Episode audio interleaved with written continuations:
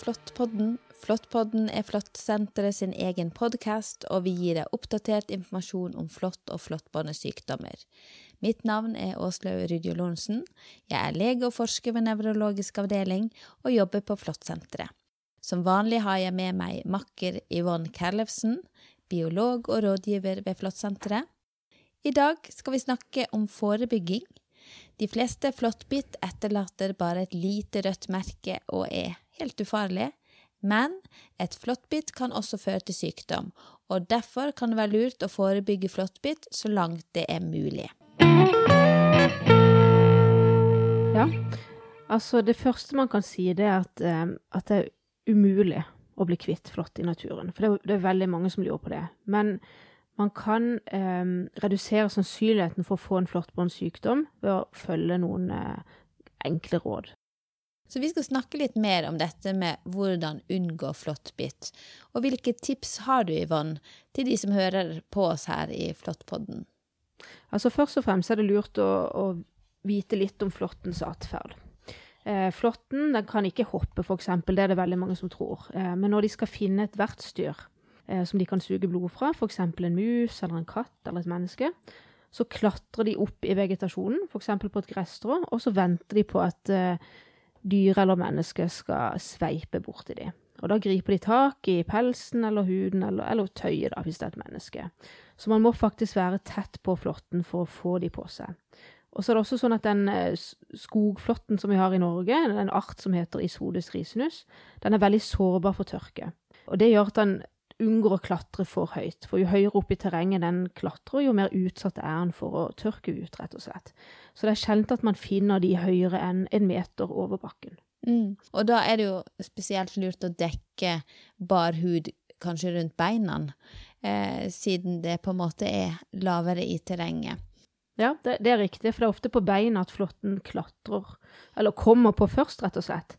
Men så kan de, hvis de først har kommet f.eks. på beinet, så kan de jo krype rundt på, på kroppen eller på tøyet i, i, noen timer før de biter seg fast. Eh, men hvis man f.eks. skal ut, eh, si da du skal ut og plukke blåbær, eller ut og jogge i skogen, så kan det være lurt å f.eks. gå med lange bukser, eller ta sokkene f.eks. over buksebeina, eh, rett og slett for å dekke til barhud, sånn at ikke flåtten kommer under buksa, f.eks. Men det er jo ikke helt enkelt, da, for nå er vi jo i mai, og det holder jo på å bli ganske varmt ute. Og da er det jo ikke så veldig praktisk å dekke seg til med lange bukser og tjukke gensere. Nei, jeg er helt enig, så det er, det er, kanskje ikke alltid det beste rådet. For hvis det er 25 grader ute, så har man jo ikke lyst til å gå rundt med, med bukser. Men et annet tips som er nyttig, det er hvis det er mulig, så er det lurt å gå på stier istedenfor å gå ut i kratt og busker og rote rundt. Ja, ja, hvorfor er det så lurt, egentlig? Nei, igjen så er det jo dette med, med at skogflåtten er veldig sårbar for å tørke ut, så de vil oppsøke altså man, Eller man finner de på steder hvor det gjerne er tett vegetasjon, gjerne steder på skygge. Eh, så man, altså man kan eh, i teorien finne en flått på en eh, grusvei eller en sti, men det er jo mye mindre sannsynlighet for det. Mm. Så, så da, litt, da, må vi komme litt tilbake til kanskje det med forebygging. Altså jeg tenker litt på flått og myggmiddel. Det er jo en del av disse tingene man kan kjøpe både i dagligvarebutikker og på apotek. Hva, hva inneholder de, og, og virker de i det hele tatt?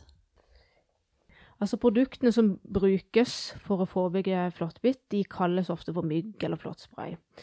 Eh, og de kan inneholde tre ulike virkestoffer. Eh, et vanlig det er midler som inneholder dit. Det har egentlig vært på markedet i veldig, veldig mange år, og det kan brukes både på hud og på tøy. Og så finnes det et annet syntetisk eh, insektmiddel, som går under navnet pikaridin eller ikaridin. Litt sånn eh, variasjoner der. Det virker litt på samme måte, ved at det kan forhindre at du blir bitt av flått. Kan også brukes på både hud og klær. Og så finnes det også insektmiddel eh, som brukes mer for å impregnere f.eks. tøy eller turutstyr. Altså du kan spraye teltet, du kan spraye skoene og de inneholder lave doser med permetrin. Og De kan man ikke bruke på hud, men de er ganske effektive, og studier har vist at de lammer nervesystemet til flåtten, eller dreper flåtten. Og så er det jo litt det med at det er lurt å kanskje fokusere på, på beina. Eh, spraye på buksebenet og på, på bar hud.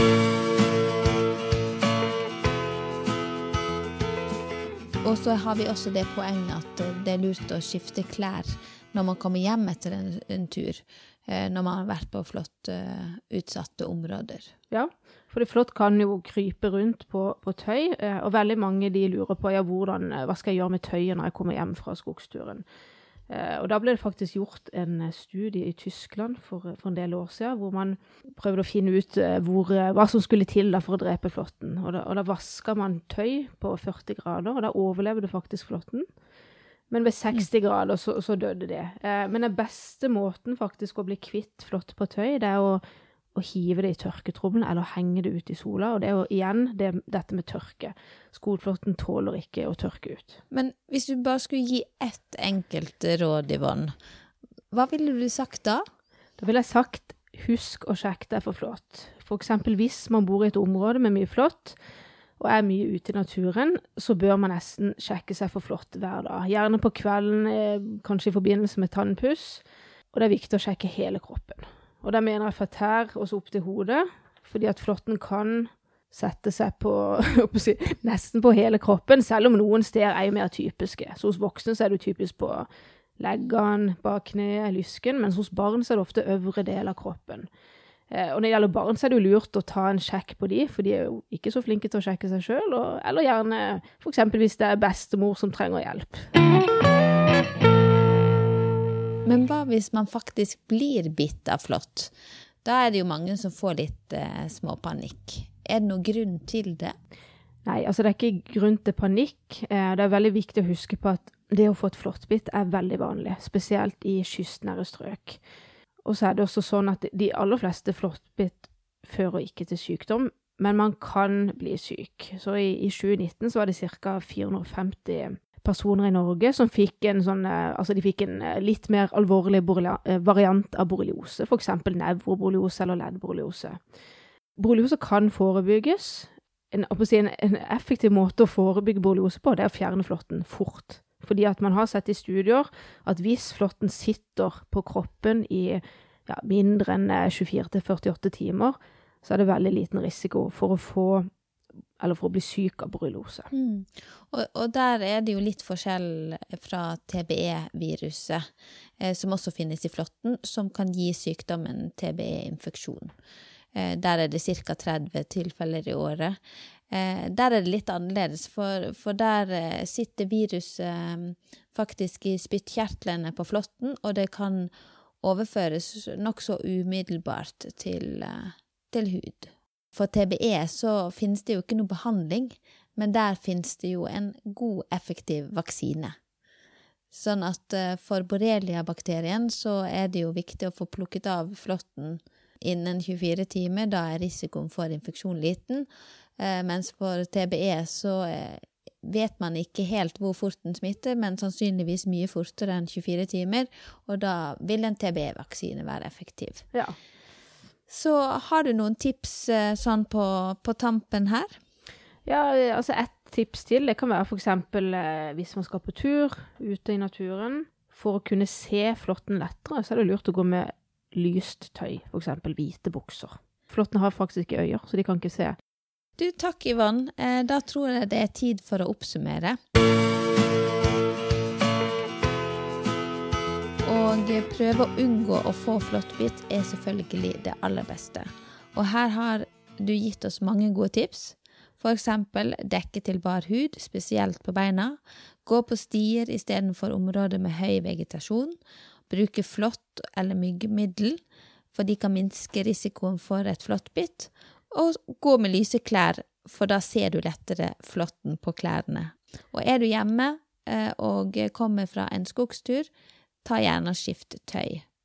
Og så var det jo dette poenget med tørketrommel. Ja, altså det er ikke nødvendig, men hvis man skal være ekstra sikker på at eventuelle flåtter dør, så ta en eh, kast tøy i tørketrommelen. Men det viktigste tipset det er rett og slett å sjekke seg for flått. Gjerne hver kveld. Igjen, hvis du bor eller oppholder deg i områder med mye flått, ta en sånn daglig flåttsjekk i forbindelse med tannpussen, og ikke glem barna, for de er ikke så flinke til å sjekke seg sjøl. Og så er det sånn at hvis du skulle få et flåttbitt, så må du huske på at det er ganske vanlig, så ikke få panikk, men fjern flåtten så fort som mulig. Bruk en pinsett eller fingrene hvis ikke du har en pinsett tilgjengelig. Det viktigste er å få de fort bort. Og hvis du også bor i områder hvor det er kjente tilfeller av TBE, og du får mye flåttbitt, eller iallfall får noen hvert år, så ville jeg vurdert å ta TBE-vaksine. Takk for gode råd og tips, Ivan, og takk for at du hørte på oss i Flåttpodden. Og forresten, har du et spørsmål du gjerne vil stille i Flåttpodden, ikke nøl med å sende oss en e-post. Vi høres!